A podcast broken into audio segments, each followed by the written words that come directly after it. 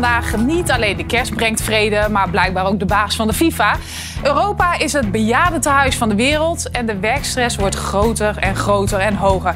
Olongre die vergat even wat te vertellen. Rutger Kastekum, Fidan Ekis, Lilian Marijnse, Jelis Cicek en Tina Nijkamp, die zitten aan tafel. Fijn dat jullie er allemaal zijn. Tina, wat doen Galit en Sofie beter dan wat Leonie en ik doen? Nou, eh, jeetje. Dat is natuurlijk een, daar kan ik heel lang eh, over uitweiden. Maar ik denk wat zij hebben verbeterd ten opzichte van vorig seizoen... dat ze veel minder elitair zijn eh, geworden. Urgenter, Dus, eh, hè? Nee, eh, minder elitair. Dus ze doen meer wat echt niet meer bredere onderwerpen. Dus minder ballet, minder opera eventjes. eh, en dan meer voetbal, meer... eh, Maar dat doen ja. wij toch ook? Ja, maar zij hebben een andere line-up. Dus zij, zijn, zij beginnen bijvoorbeeld met nieuwsfragmenten. Nou goed, het is een heel lang verhaal, maar... Zij hebben heel erg aan de line-up gewerkt. En eh, ja, per minuut is nu duidelijk wat daar gebeurt. Ja. En dat is heel belangrijk. Bij ons aan tafel is ook best duidelijk wat er gebeurt, want dat weet je namelijk nooit. Nee. Dus ja, dat is op zich. Maar wat, wat moeten wij dan beter doen? Want ik zat even naar die kijkcijfers te kijken. En jij bent natuurlijk zo'n expert daarin. Ik heb vandaag gekeken en dacht ik, hè? Ruim 700.000 en wij 300.000. Wat, Ja. wat, wat doen wij dan verkeerd? Nou goed, ik wil er wel even bij zeggen... jullie hebben natuurlijk ook mindere instroom. NPO 1 is natuurlijk de grootste zender van Nederland... dus zij beginnen al op een hoger aantal. Dus jullie hebben het sowieso veel moeilijker. Dat is ook inherent aan SBS6, daar weet ik ook alles van. Je moet altijd veel harder vechten om een succes te krijgen. Dus dat, dat, dat is één. En ja, ik denk toch dat eh, mensen... eh, jullie hebben nu een nieuwe formule. Mensen moeten dat weer eventjes eh, ja, herontdekken. Sommige mensen vinden dat ook natuurlijk niet leuk en die haken weer af. Hoe belangrijk is het eh, hierin, ehm, die hele slag om de gast? Wie heeft de belangrijkste gast, de Ja, die- belangrijkste minister? Ja, Hoe dus belangrijk is Die dat? is dus niet belangrijk. Ja, maar die zit er al. Nee, maar die is niet belangrijk. Dat is iets wat zich in de hoofden van mediamensen afspeelt. We moeten die gast die op de Ja, dat voorpagina van Maar de dat is dus niet zo belangrijk. Nee, je kunt veel beter eh, als eh, kernpunt hebben, mijns inziens. Want hè, het is altijd persoonlijk. maar zeg maar de persoonlijke verhalen die bijvoorbeeld het Algemeen Dagblad heeft. Die heeft altijd persoonlijke verhalen over gebeurtenissen. En die persoon aan tafel zetten. Ik Ja. denk dat dat veel beter werkt dan. Oh, we moeten die minister en die minister, want dan gaan we scoren. Zo is het niet. Human interest bedoel. Ja, mensen willen graag zich verbonden voelen met eh, de gasten. En willen zich herkend eh, voelen. En willen zich kunnen identificeren met de gast. En dat doe je ook vaak niet bijvoorbeeld met een minister. Nee. dus Nee. ja, Maar we worden wel echt eh, ja, steeds urgenter. We brengen wel wat teweeg. Dat bleek gisteren ook. Want gisteren hadden we het over schilderij. Wat in Leiden, waar die professoren op stonden. Of eigenlijk de hoogleraren met een, dikke sigaar. We hadden daar een discussie over. En vandaag, hoppakee, hangt die terug. Hoppa. We brengen wel wat teweeg, Nou, Ja, Goed Dat toch? hij weer terug is trouwens ook, hè? Gewoon. Ja, Toch? vind je? Toch? Ja, vind ik wel, ja. Waarom? Nou ja, het ging geloof ik ook vooral omdat het allemaal mannen waren. Hè? En, en omdat ze rookten, ja. Nou, ik vind het dus onzin. Ja, dus goed dat ze niet gezwicht zijn. Nee, goed. Al meer dan onzin. Het is natuurlijk heel zorgwekkend. Ik bedoel, what's next? Niks is meer goed genoeg. Alles deugt niet. Ehm Ja, en bij een beetje kritiek is het dus ook meteen weghalen. onder druk en halen ze Ik het bedoel, weg. hebben we het er ja. dan over? Prima. Nee, Hartstikke maar ja, leuk, hoe belangrijk was het dan voor je om het weg te halen in the first place? Toch? Ja. Maar het hangt er gewoon weer wat lekker. Eh, wat Ja. trouwens ook goed nieuws is. Oranje is inmiddels gearriveerd in Qatar. Spelers nagenoeg allemaal fit. En wie er ook fit is en in vorm is de FIFA-baas. Dat heeft hij al vaak laten zien. Tijdens de G20 in Indonesië waren natuurlijk alle wereldleiders bij elkaar. En hij dook daar ineens op. Gianni Infantino, de basis van de Wereldvoetbalbond, met een belangrijk advies. So my plea to all of you is to think on a temporary ceasefire for one month for the duration of the World Cup, or at least anything that could lead to the resumption of dialogue as a first step. Ja, ik, ik hoor jou al een beetje lachen. Ja, die man is echt een beetje koekoek? Of niet? Is die koekoek? Ja, dat je, ja, ik weet niet hoor. Ik ben, ik ben erg voor vrede. En ik ben erg voor een staakt het vuren. Maar dat je dus denkt dat omdat er dus ergens gevoetbald wordt in Qatar... dat dan Poetin denkt, nou jongens, maar dan stoppen we even met die Maar hij is oorlog. goed bevriend hè, met Poetin. Ze zijn goede vrienden van Ja, elkaar. goed bevriend, maar, het- het- Ja, maar daarna je vindt jezelf elkaar ook wel heel zo. toch? Als je met zo'n oproep komt. Ja, hij zei ook nog dat het WK een uniek platform is voor vrede en eenheid. Nou, dat is wel gelukt in Qatar. Ja, in Qatar. Nou ja, nog niet zo lang geleden deed hij dezezelfde man een oproep... om het eventjes niet over politiek te hebben, maar vooral over de sport. Oh, ja. Dus dat is vooral zo tegenstrijdig. Ja, dus dit gaat niet werken, denken jullie? Dit is echt voor de. Dit gaat niet helpen, nee. Nee. Het voelt ook wel als een afleiding, afleidingsmanoeuvre. Zo van, eh, oké, we hebben het helemaal verkeerd gedaan in Qatar... maar laten we even de Ja, ja, ja. vredesduif uithangen voordat we gaan voetballen. Ja. Zoiets. Maar ja, goed, daarvoor is het ook weer te dom en te doorzichtig. Dus I'm not sure. Ja, en overigens in de Telegraaf stond vandaag dat de experts een eh, opleving voorzien in de oorlog. Dus dat ook nog. Jongens, wie heeft de kerstboom al staan? Ik heb hem zeker al staan. Ja, heb jij hem al staan? Ja, ik heb hem uh, eind Ben je zo'n diehard? Ja, ik ben echt helemaal gek op kerst. Ja. Dus ik heb hem staan, hartstikke leuk. En ik heb daar tussendoor nog wat Sinterklaasslingers eh, hangen. Dus eh, ja, dit is hem, ja. ja ik Met ben er kerstverlichting? Ja, ik merk het. Ja, met kerstverlichting. Ik heb hem dus, eh, ja, ik ben er heel, heel gelukkig mee als ik ernaar kijk, moet ik heel eerlijk Het is zeggen. wel een echte. Nee, het is geen echt. Maar hij lijkt dus wel echt. Nee. Oh, nou, nou. nee, want anders is hij namelijk over twee weken kan ik hem eh, Ja. weer Beter voor het klimaat ook, hè? Geen echte, geloof ik. Nee, ja, dat geloof ik nu Ja. dat dat weer, eh, Ja. ja. dat weer beter Nou, daar zeg jij wat. Want wat denk je dat de meesten gemiddeld kwijt zijn voor een maandje kerstverlichting? Dan heb ik het niet over ledverlichting. Maar wat ben je voor een maand kerstverlichting kwijt? Ja, ik dacht iets van eh, 120 euro. Ja, of zo. 120 euro. Ja, ja dat was nou, dat is ja. behoorlijk. Ja, is echt Dus veel. gewoon allemaal aan de led. Vier jij met Wiert eh, kerst? Ehm, dat weten we nog niet. Nee. Dat is, eh, ik heb nog helemaal niks gepland voor kerst. Maar hoe- Nou, tenminste, misschien doe ik wat met vrienden. Maar hoe gaat het? Stel, denk je even, beeld je even in. Hoe gaat het als jullie de kerstboom optuigen? Is dat met veel discussie? Eh, nou, ik heb mijn eigen huis in Rotterdam. Hij woont in eh, Leiden.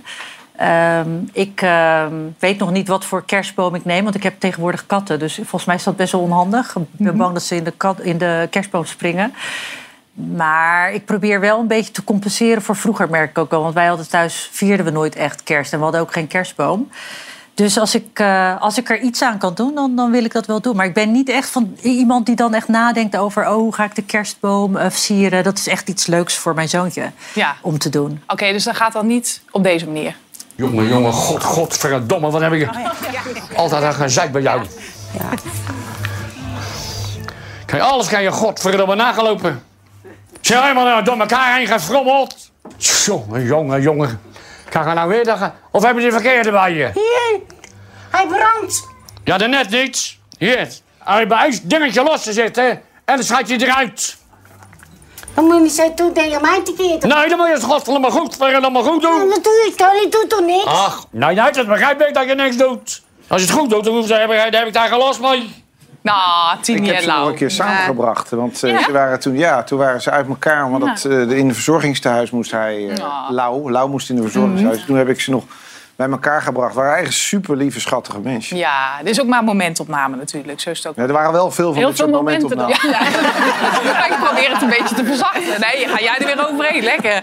Van de kerststress gaan we naar de werkstress. Want hoeveel mensen hebben jaarlijks, denken jullie, last van een burn-out of burn-out klachten? Wat denk jij, Jelies? Nou, ik denk echt misschien wel 800.000, meer dan een half miljoen misschien wel. Ja, ja, nou ja, 1,3 miljoen mensen. 3 miljoen nog erger, ja. Ja. Hebben jullie er ooit wel eens last van gehad, van die klachten? Ehm, Ja, nee. nou, als ik Die mevrouw zit heel erg te lachen daar. zijn, zijn geen goede vragen? Ja, ik weet niet. Oké, nee, wie heeft er last van gehad bij jullie? Nee, ja, niet echt. Nee, ik ben, eh, ik ben ook bij heel streng opgevoed. Van oké, we gaan weer verder en schouders eronder. Maar, eh, maar in de Kamer hebben mensen toch heel veel last ook van burn-out klachten. En daar wordt toch ook geklaagd over de werkdruk. Ja, Ja. ja. dat, dat, dat klopt. Ja, eh, en dat is natuurlijk ook best wel een pittig bestaan. Dat is absoluut zo. En ik denk dat het ook belangrijk is dat je daarin wel, ja, als je zelf daar eh, sterk in bent en je kunt daarin ook goed keuzes maken, prioriteiten stellen, ja, dat helpt natuurlijk ook wel heel erg. Want ja, in ons werk, de hele dag door gebeurt er natuurlijk van alles Ja. waar je eigenlijk wat van moet vinden of op wilt reageren of wat aan wilt doen en allerlei misstanden. Ja, dat gaat natuurlijk niet. Nee, maar aan de andere kant, eh, werkgevers zijn nog steeds niet in staat om die hoge werkdruk aan te pakken. Dat is ook logisch, want er is natuurlijk tekort aan mensen. Wat kunnen we daaraan doen? Is, is er eigenlijk wel een stip aan de horizon? Vraag me af. Ja, het ligt er natuurlijk ook heel erg aan welke sector het is. Want er zijn ook ontzettend veel banen in Nederland waarvan ik denk ja, dat je je af moet vragen: ja, willen we dat? Of kunnen we die mensen misschien wel veel beter gebruiken, bijvoorbeeld in de zorg? Ja. Nou, in de zorg is bijvoorbeeld ook weer heel veel bezuinigd. Dus er zijn ook heel veel mensen ontslagen die er wel hadden willen werken. En dat zijn dan natuurlijk gewoon foute politieke keuzes geweest, waardoor de werkdruk wel oploopt voor mensen die daar nu werken. Zometeen gaan we het ook ongeveer hebben over die zorg natuurlijk. Eh Vida, jij wilde het graag nog even hebben over een Instagram-post van de gemeente Rotterdam. Rotterdam. Eh, Turks vlag halfstok eh, na de aanslag in eh, Istanbul. Ja, ik vond dit, dat had ik niet verwacht ook. Ehm, het werd me doorgestuurd door mijn eh, zus en door meerdere mensen eigenlijk. En Ja? ik, ja, ik, dit raakte mij wel. Vind ik gewoon mooi. Het is mijn stad. En ehm, ik had, ja, zou ik bijna zeggen, ik had niet anders verwacht. Maar toch was ik wel ver- verbaasd. Mooi, want eh, heel heftig wat daar, eh, wat daar is gebeurd. Ja, dat is natuurlijk niet de eerste keer eh, dat er een aanslag Nee, het is wel vaker. Ik heb één keer van dichtbij meegemaakt. Toen was ik correspondent in eh, Turkije. Eh, het was toen opgeëist door eh, IS. En dit is ook echt, er lopen hier, dat weet jij vast ook wel, duizenden mensen. Het is een hele drukke, krappe straat ook. En ik weet nog dat iedereen, wat was in Tunnel gebeurd... aan het einde van de Istiklalstraat, mensen wegrenden. En ik moest er naartoe als eh, correspondent uiteraard. Nou, dan zit je echt, dan, dat is echt heel beangstigend. Gewoon echt, eh, je zit als een rat in de val als daar iets gebeurt. Er waren ook heel veel doden gevallen, heel heftig. En ja, weet je, ik volg de Turkse media. En eh, daar wordt gezegd, ja, dit zie je vaker rondom de verkiezingen. En die komen eraan in 2023. Ja. Ja, goed, dat is. eh, Is het opgeëist? Nou, het is dus niet opgeëist, maar Turkije gaat ervan uit dat de Koerdische afscheidingsbeweging, guerrilla-beweging, eh, PKK hierachter zit. Maar het sluit ook nog niet uit dat het IS is, las ik. Nee, ja, kijk, dat is echt, als je de Turkse media kijkt, dan gaat het alleen maar over eh, de ehm, ja, aardsvijand eh, PKK. Maar het zou inderdaad prima zo kunnen zijn. Ja, want Jelise, En- jij hebt een Turkse vader. Wat, wat Ja. doet dit met jou, dit symbool? Nou ja, wij hebben natuurlijk wel gelijk. We hebben ook familieleden in Istanbul. Wij komen zelf uit Trabzon, dus dat is een zwarte zeegebied. Maar ehm, wij hebben wel natuurlijk ook familieleden daar eh, zitten. Dus eh, ja, we hebben wel gelijk gebeld. Tuurlijk, dat doet ons heel veel dat, eh, dat dit soort dingen gebeuren. En ook natuurlijk, vooral voor de slachtoffers nu, maar ook voor Turkije, ook voor de ondernemers. Weet je wat, het, ging, het was redelijk stil een tijdje. Daardoor trok het toerisme weer aan. Eh, de economie gaat niet heel best op dit moment. Dus het is ook voor iedereen die dan onderneemt in Turkije ook weer zoiets van: oh jee, straks. Hè, ik weet ook nog dat ik elke eh, zomer gingen we zes weken naar Turkije. En toen waren er heel veel aanslagen, ook in de kustplaatsen. Hè, in doelmoesjes, hè, dat zijn dan die taxis. Ja. En dat weet ik ook nog heel goed. En wij gingen, want wij hadden familie. Hè, maar ik weet nog heel veel dat heel veel mensen dan hun eh, reizen gingen annuleren. Dus ja, ja, je hebt het er wel veel over met de familie, zeker. Dus wat dat betreft gewoon een mooi gebaar Ja. van de gemeente. Zeker. Zeker, absoluut. heel mooi. Ja. Jongens, je realiseert je natuurlijk niet altijd super bewust, maar we hebben eigenlijk best wel veel verwarde mensen in het land. Eh, je hoeft alleen maar de televisie aan te zetten. Dagelijks zijn er meer dan 356 meldingen bij de politie over verwarde mensen die overlast bezorgen. De samenleving wordt complexer en er is flink bezuinigd in de zorg. De toename van mensen met verward gedrag is zorgelijk, zegt de politie. Kom nu, kom maar. Het gaat niet altijd om hele heftige en hele eh, verschrikkelijk gevaarlijke situaties, maar veel al over mensen die gewoon verkommeren. Kortom, mensen die grip op hun leven zijn, eh, zijn, eh, zijn kwijtgeraakt. De overlast door verwarde mensen loopt soms echt uit de hand. Zoals ook met Thijs H., die ernstig in de war drie mensen zou hebben doodgestoken. De vereniging die zich inzet voor naasten van gestoorde mensen, Mind Ypsilon, luidt de noodklok. Er moet echt wat gebeuren. Ik denk dat we ervoor moeten zorgen dat in de GGZ eh, de mensen die het hardste hulp nodig hebben, maar daar het minst om roepen, dat die het eerst geholpen worden. Bied mensen een alternatief. Ja, dat zou mooi zijn als er een alternatief zou zijn. Wat vinden jullie nou een prototype verward persoon, Tina?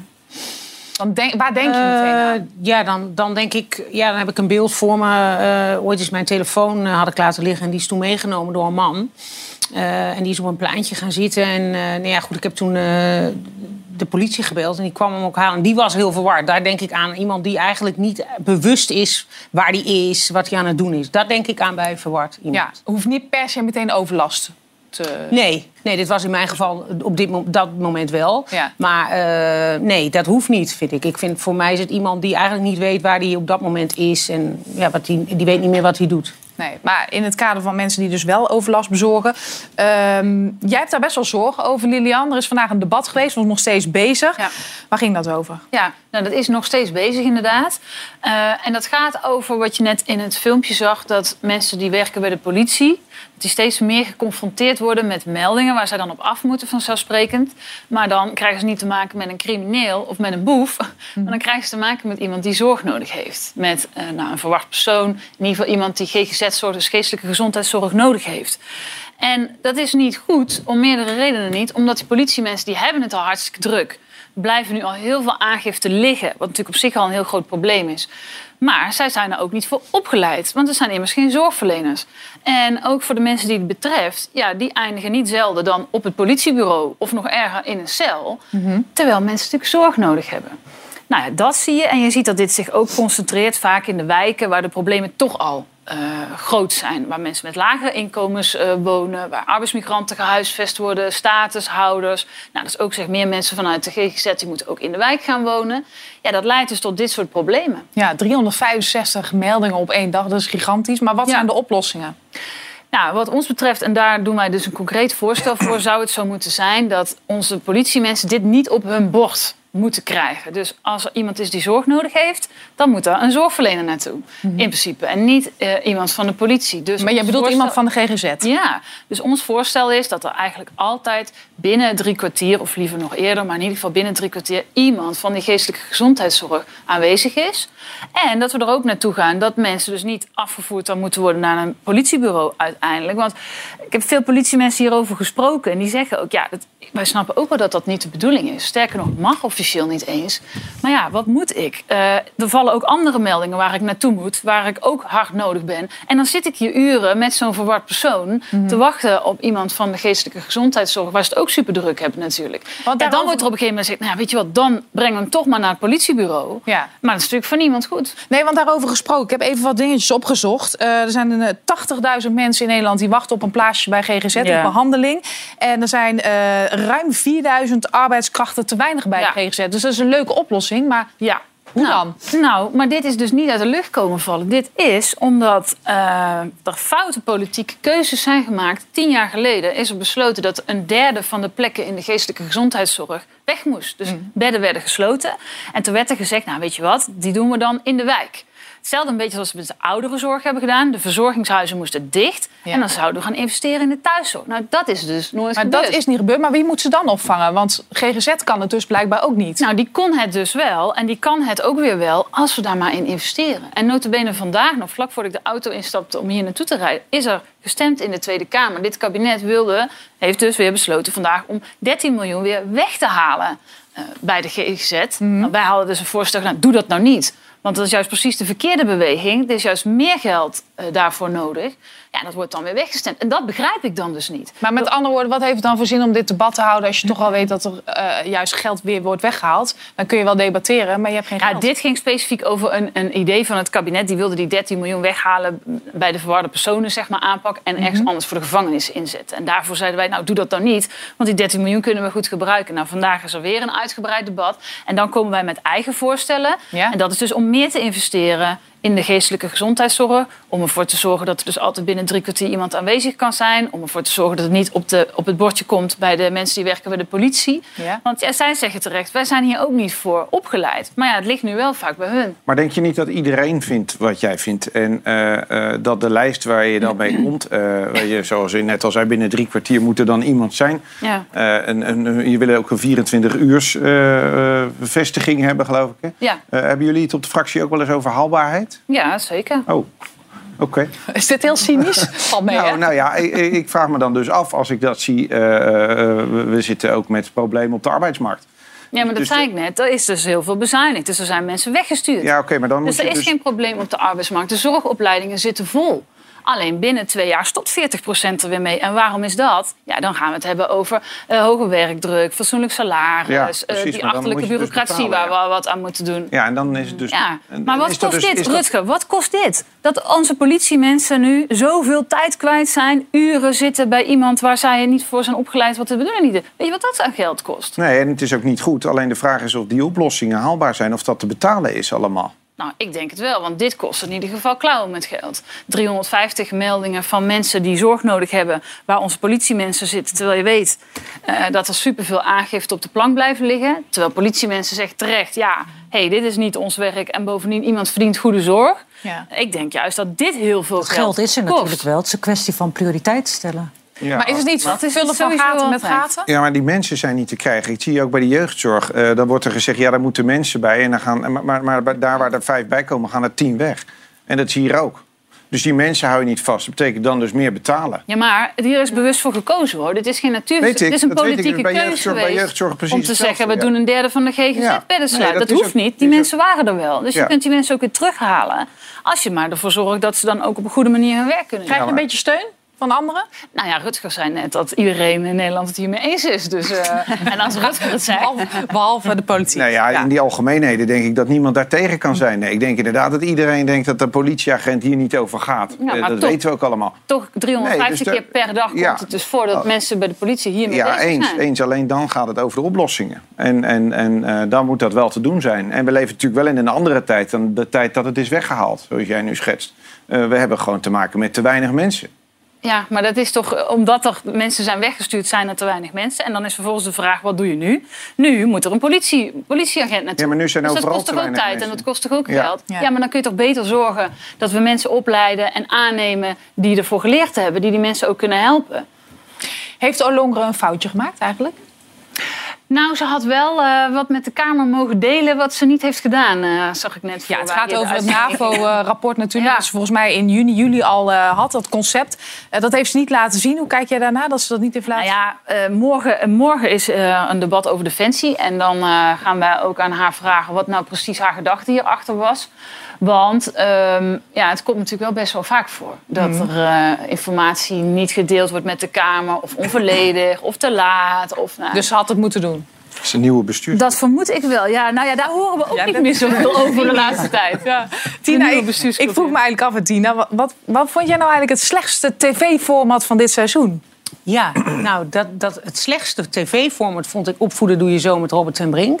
Ja? En het slechtst gemaakte programma vind ik eh, Mart Hoogkramer. Met, eh, met dat hij een skihit gaat doen. Zetten we Mart allemaal op de niet in. piste. Hè, zaten we allemaal niet in. Mart op de piste, ja.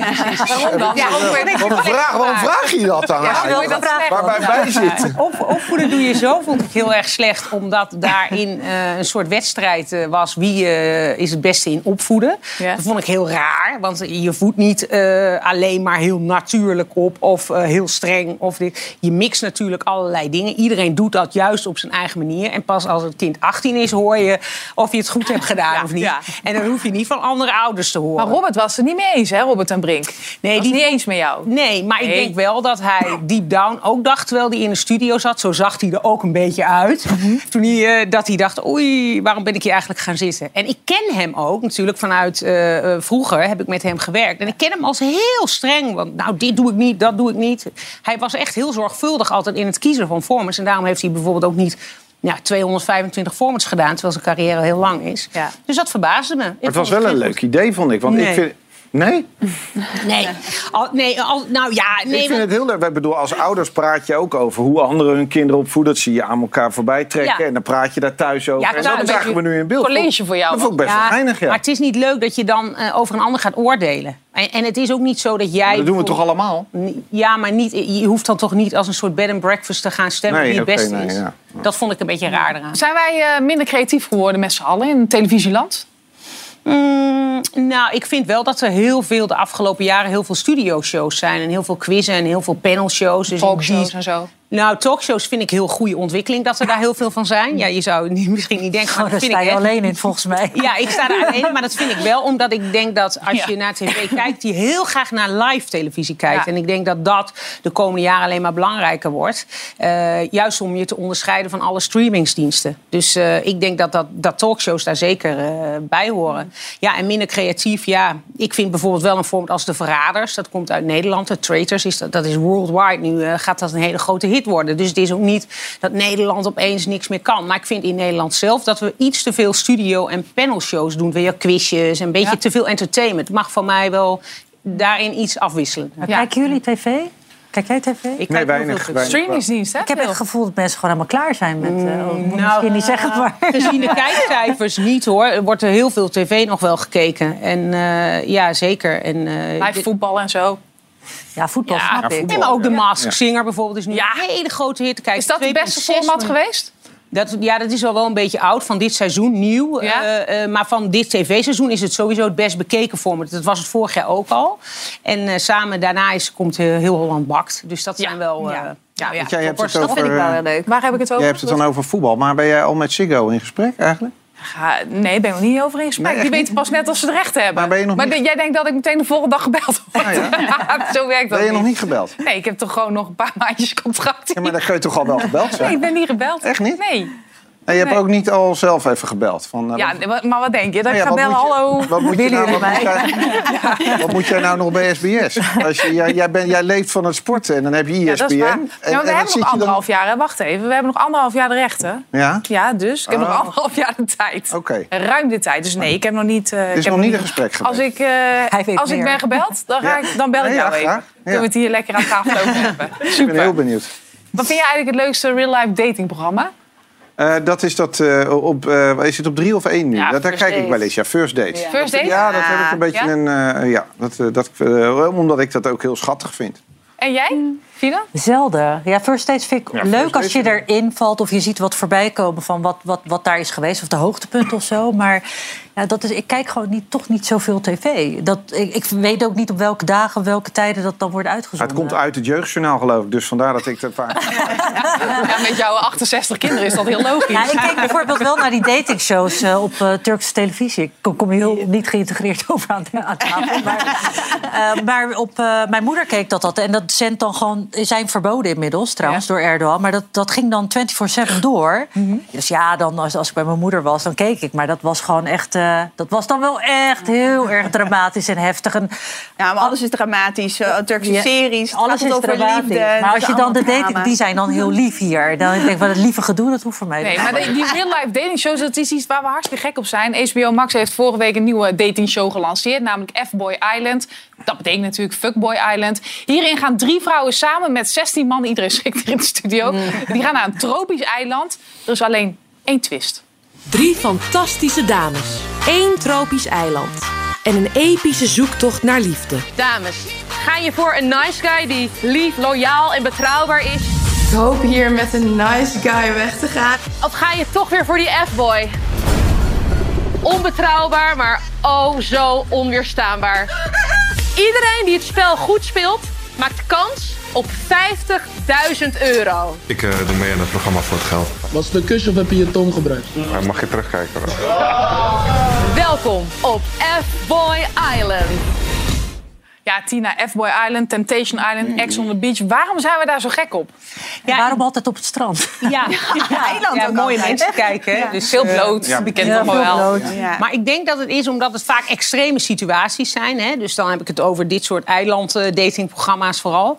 Eh, dat zijn situaties waar je zelf natuurlijk niet zo heel snel in, eh, in, in terechtkomt. Hè? Eh, dus, dus dat is één aspect. En ik denk ook dat het heel veel stof geeft tot praten op het werk bij het koffiezetapparaat. Dus je kunt al, oh, heb je die gezien? Nou, nou, die was echt wel heel erg stom. Of weet je wel. Dus dat, dat geeft heel veel rumoer. Rumor around the brand, hè, zoals dat dan heet.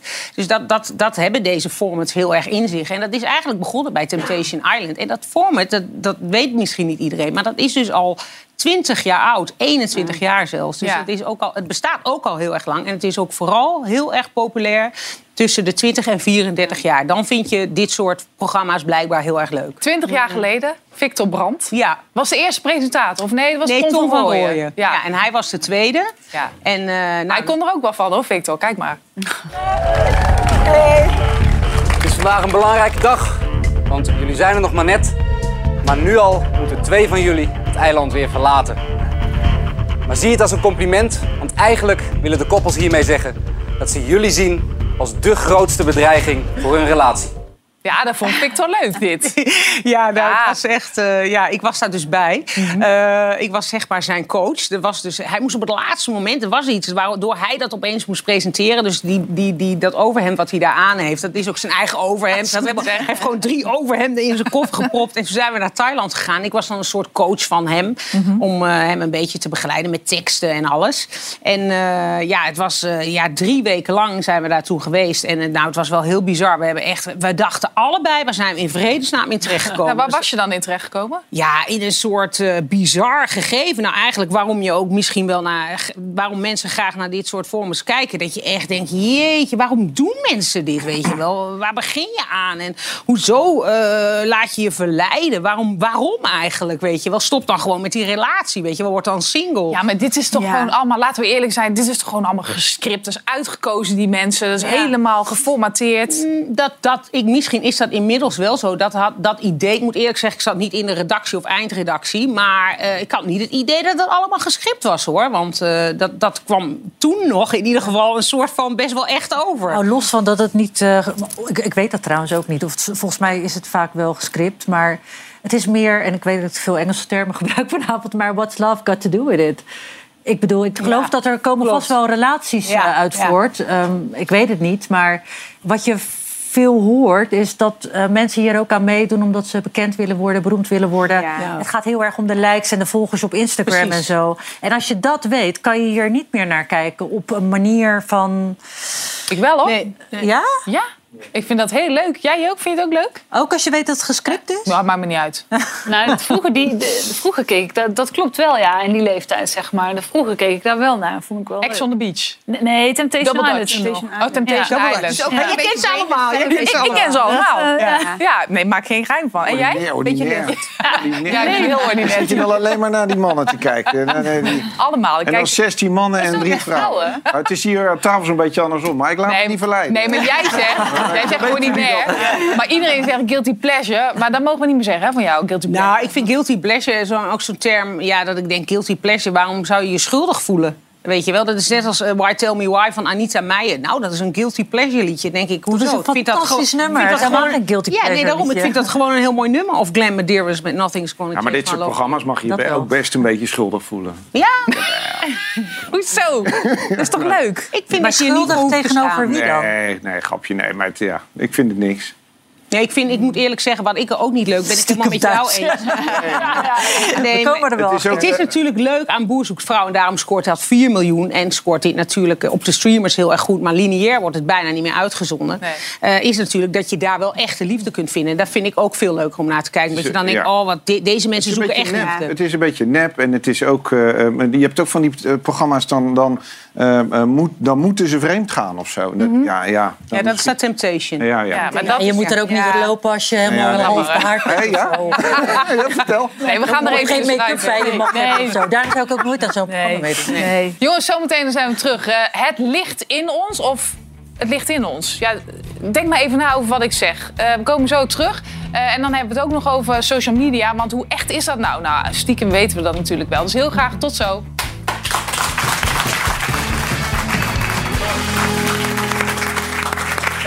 Eh, half acht. Zometeen gaan we het hebben over dit boek van Michelle Obama.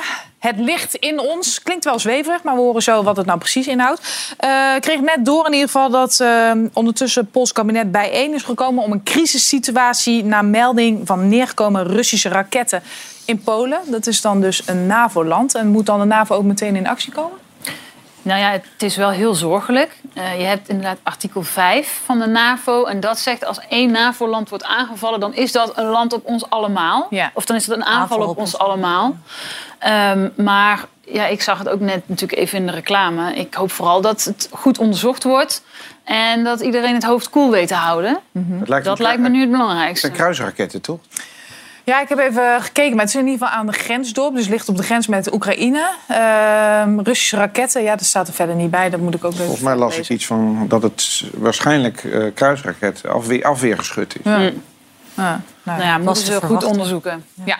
Dit is de angst waar iedereen eh, steeds over had. Wat zei je, Fino? Nou ja, dat dit was ook onder andere waar iedereen bang voor was. Ja. Precies artikel 5 en eh, de gevolgen. Ik ben benieuwd wat hierna gaat gebeuren. Maar dit is echt wel verontrustend. In welk land wonen de meeste mensen, denken jullie? Ja, het is eigenlijk niet zo'n hele moeilijke, maar... Oh, toen was het stil. China. Ja, nog wel hè, China. Daar leven nu 1, nou, bijna 1,4 miljard mensen. Maar India is hard op weg om het in te halen. Er zitten er nu 1,3 miljard. Eh, maar na verloop van tijd, 2023, zal- zullen zij China dus eh, voorbij eh, streven.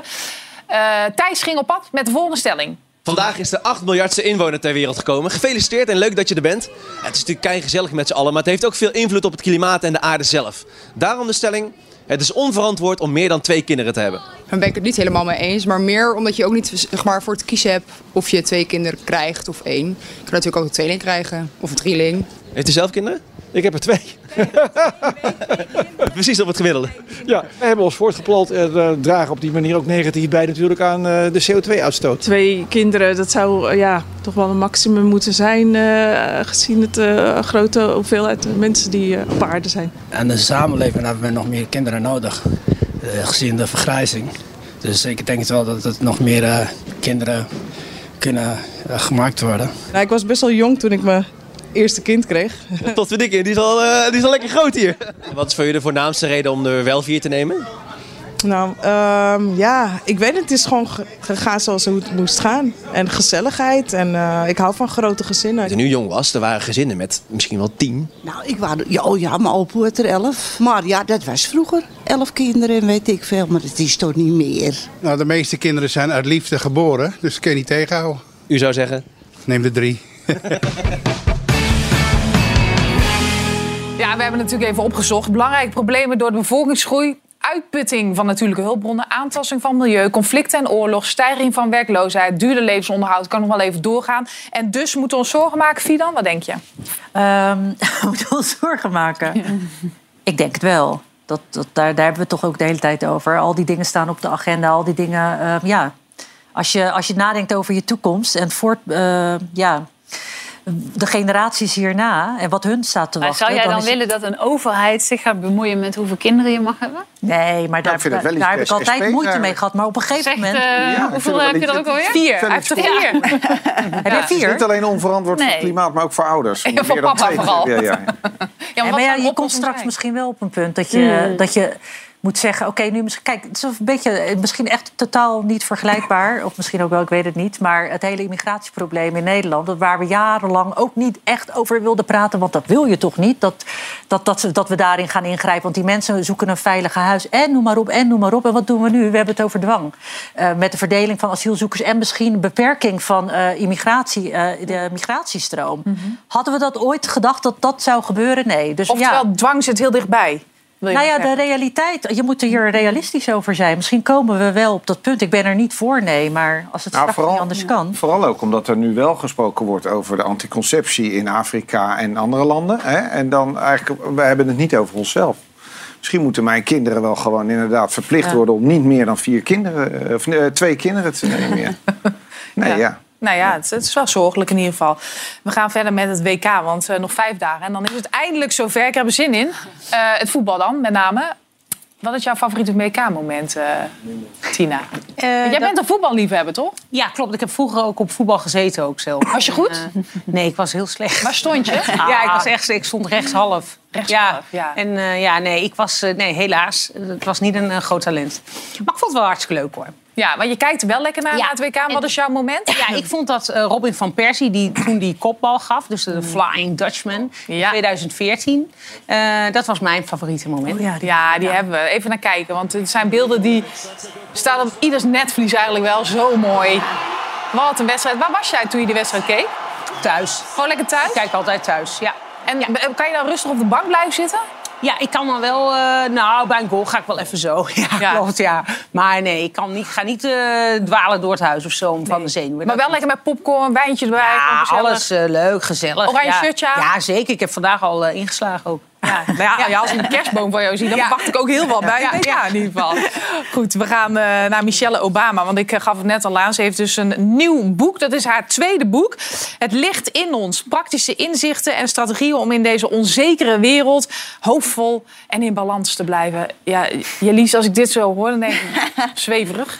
Het ligt in ons, ja, het klinkt wel wat zweverig. Ja, het is ook echt wel een zelfhulpboek. Het is echt, eh, ze geeft een soort grote levenslessen mee, maar ook heel veel mindfulness dingen die je elke dag kan doen. Het is ook echt wel een meer zweverig boek. Maar ja, ik hou ervan en ik hou van Michelle Obama, dus eh, ik kan er niet geen genoeg van krijgen. Wat is de aantrekkingskracht? Want we hebben meerdere first ladies, die hebben niet allemaal een boek geschreven. Wat is de aantrekkingskracht? Ja, zij is gewoon zo uniek en een inspirator. En ze is naast ook een stijlicoon. Dat vind ik natuurlijk ook heel interessant. Maar ze, eh, ze pakt dat podium podium echt om mensen te verbinden. En ik vind het gewoon heel bijzonder om te zien dat zij ook allerlei soorten mensen weet te verbinden en naar zich toe weet te trekken. Ze heeft gewoon zoiets puurs. En dat, ja, dat, dat heeft. Dat Ze is heel uniek. openhartig vooral. Ja, heel oprecht. Heel, ja, het is natuurlijk, hè, je zal vast een gigantisch team er altijd om heen hebben en die speeches schrijven, maar toch, het voelt alsof het uit haar hart komt en je gelooft het. Je denkt gewoon. Dus dat doen die adviseurs Die spreekt goed. mij aan. Ja, dat doen ze heel goed. Ja, want jij, begint al een beetje zo te stralen. Heb jij haar eerste boek gelezen? Ik heb haar eerste boek gelezen. Ik had hierbij mm, zelfhulpboeken, daar ben ik dan niet meteen zo fan van. Dus dat, maar ik moet het proberen, ik weet het niet. Eh, maar haar eerste boek eh, vond ik echt mooi. En ehm, sloot goed aan bij het beeld wat ik over haar heb. Ik, eh, alles wat jij zegt eigenlijk. ze heeft natuurlijk heel lang in de schaduw van haar man moeten leven. Maar toch knap hoe ze op haar manier ehm, voor zichzelf toch een podium heeft gevonden in die periode. Want eh, ja, haar speeches Ja, die waren natuurlijk... eh, Ongeëvenaard. ja. Echt fantastisch. En een voorbeeld hè, voor heel veel Ja, jonge... ja, zeker. Zeker voor Melania. Sowieso. Inspiratie. Dat zou heel goed zijn. Ja, toch, Tina? Je zit al Ja, te die knikken. speech, dat, ja. Gewoon alles gepikt. Ja, ja, klopt. Alles gepikt. Zullen we gewoon eens een keer kijken? Het is gewoon leuk. Even kijken. with so many of the same values. Like, you work hard for what you want in life. The values that you work hard for what you want in life. That your word is your bond, that you do what you say you're gonna do. That your word is your bond and you do what you say and keep your promise. The only limit to the height of your achievements is the reach of your dreams and your willingness to work hard for them. The only limit to your achievements is the strength of your dreams and your willingness to work for them. Zeg wel met overtuiging, hè? Ja, Dat wel. ja, dat wel. Zij was hier gewoon genaaid, hè? Oh ja? Ja, want zij had van een medewerker waar ze ruzie mee had, heeft ze een speech gekregen. En ze heeft het niet goed gecontroleerd. En diegene die haar zo hard ja. wilde naaien, heeft een speech van haar gegeven. Ja. Maar ja, het is ook wel oliedom Ja. om dat dan zomaar klakkeloos open Ja, te ja, gaan. ja. Maar- en, dan zie je ook hè, hoe zij... Je kan het op papier hebben, je kan het hebben geleerd... en je kan het uit je hoofd kennen.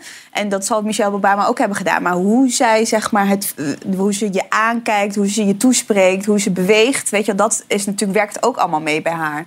Ja, is het Dat grote verschil dan ook dat je denkt bij eh, Michelle Obama... Ja, die kan lekker een joggingpak aantrekken, op de bank neerploffen en tv kijken. En bij Melania heb je altijd het gevoel, ja, die loopt op, met stiletto Die wordt zo wakker. ook prima ja, is. Maar Die, die leeft een soort, de hele dag zit in een soort toneelstuk. Is echt, eh, die- ja, nee, dat is natuurlijk helemaal, die voelt helemaal niet alsof dat dichtbij je komt. Het voelt heel afstandelijk, het voelt nep, het voelt, nee, dat, en dat heeft Michelle Obama natuurlijk helemaal niet. Die zit vast ook met een joggingboek eh, thuis. Dat vertelt ze trouwens ook in het boek. Dat, Oh ja? dat ze tijdens de pandemie natuurlijk in, op de bank zat en dan heeft ze het breien helemaal uitgevonden. En dan zegt ze net weer, als Bobby Eden. ja, ze, is helemaal, ze is helemaal brei-fan. Ja. Dat, eh, Breiklubje. ja, breiklubje beginnen. Nee, dat heeft ze dan. Dat soort dingen vertelt ze dan in dit boek. Dus naast dat ze levenslessen geeft, ze vertelt ze ook best wel veel over haarzelf. En eigenlijk leer je er nog wel wel beter kennen hoor. Dus ze, deelt, ze is best wel kwetsbaar naar. In het Ja, boek. dus dat is dan het verschil met de andere zelfhulpboeken. Ja, dat is echt het verschil. Nou ja, sowieso, het is gewoon Michelle Obama. Maar eh, ik denk wel dat het, het is niet alleen maar... Ze is niet alleen maar aan het zenden. Ze vertelt ook echt... Hè, ze vertelt haar persoonlijke ervaringen. Ze is best wel kwetsbaar. Vertelt dingen over haar huwelijk, over haar vader... eh, over haar broer, over eh, de tijd in, op de universiteit. Ehm, en zegt daarin ook soms wel eens dingen die zij fout deed... of, of de uitspraken die ze heeft gedaan. Omdat Wat deed ze fout dan bijvoorbeeld? nou, bijvoorbeeld, ze gaat het dan over opvoeding hebben. Of, of, en dat ze dan een keer tegen de ouders heeft, of tegen de kinderen heeft geschreeuwd van... ik wil jullie moeder niet meer zijn. En ik dacht wel van, nou ja, voor, De ik weet heks. niet... De, ja, precies. Hoe durft ze? Ik dacht, mijn moeder, en mijn moeder is de meest fantastische vrouw op aarde. vind haar al meteen niet Die- meer leuk.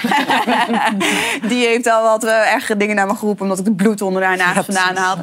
Maar, eh, dus het is allemaal nog vrij keurig. Maar het, is- ze geeft wel... Ze vertelt echt wel wat dingen, ook over het huwelijk. En dat het niet altijd allemaal leuk is. En dat ze ook eh, Barack niet elke dag geweldig vindt. Nee, ze is gewoon een mens eigenlijk. Ja, ze is gewoon een mens. Want, Het gaat toch ook over dat ze, eh, want dat las ik in de voorpublicatie, dat ze eigenlijk gewoon het, Witte eh, het verhuizen naar het Witte Huis, hoe onmenselijk dat eigenlijk is. Ja, Toch? Ja, Dat ja. lijkt mij namelijk ook. Dat je daar Ja. dan ineens moet gaan wonen en dat je dan in dat sociale leven wat je al Ja. had, daarin moet trekken. Met haar en dan worden al die mensen vooral, moeten ja. namelijk gescand worden voordat ze naar binnen Mhm. komen. Mhm. Eh, dus je kunt niet zomaar iemand uitnodigen. Dat, dat las ik. Ja, klopt. Ja. ze zegt dan ook over vriendinnen op een gegeven moment. Weet je? Want Ja. volgens mij is ze zelf een heel open persoon en een soort open boek. Maar ja, dat kan natuurlijk niet als je Nee. ineens first first lady bent. En dat ze daar wel echt gekwetst is door mensen Ja. om haar heen... Die, waarvan ze dacht, dit zijn vrienden of die hebben het beste met me voor. En die dus waarschijnlijk dingen hebben gelekt. Ze zegt het niet zo expliciet, maar ja, dat ze dat wel echt gekwetst door is. Nou ja, we maken allemaal wel eens dingen mee met vrienden of eh, familie. Eh, Maar in het boek heeft ze ook over haar angsten. En dat het belangrijk is natuurlijk om die angsten te overwinnen. The most afraid I was was when my husband came to me and said he wanted to run for president of the United States. True. That's an uncertain time. That's an uncertain time. And he said if I wasn't on board, he'd shut the whole thing down. And I just, I sort of point out, with my fear alone, I could have changed the course of history, but I didn't. But I had to practice my way through that anxious feeling, that sort of the newness, the change. And we're all kind of working on that kind of stuff for ourselves every single day. So for me, decoding fear is a tool. Ze heeft wel een goede top aan trouwens. Ja, maar dat ze heeft altijd. Ze heeft, Ja, nee, maar jij bent hoofdredacteur Vogue, dus jij kijkt daarna natuurlijk. Ja, ze heeft fantastische dingen aan ook. En het wel grappige was nadat ze dus uit het Witte Huis ging... want het was al een fantastische stijl... maar het was wel hè, wat, wat eh, binnen de lijntjes. Ja. En toen ging ze dus... toen had ze ook die Europa-tour... wat was voor het vorige, vorige boek. Toen ineens kwam ze echt met Balenciaga... eh, laarzen tot aan de Maar ook decolleté En, eh, zag ik. Ja, ja, ze ging ervoor. Ja. Ja. Ze is, is gewoon echt een stijlkoon, heeft echt smaak. Dus nu pakt ze ook wat meer uit. Ja, waarom niet? Ga, ga jij dat boek lezen, Tina?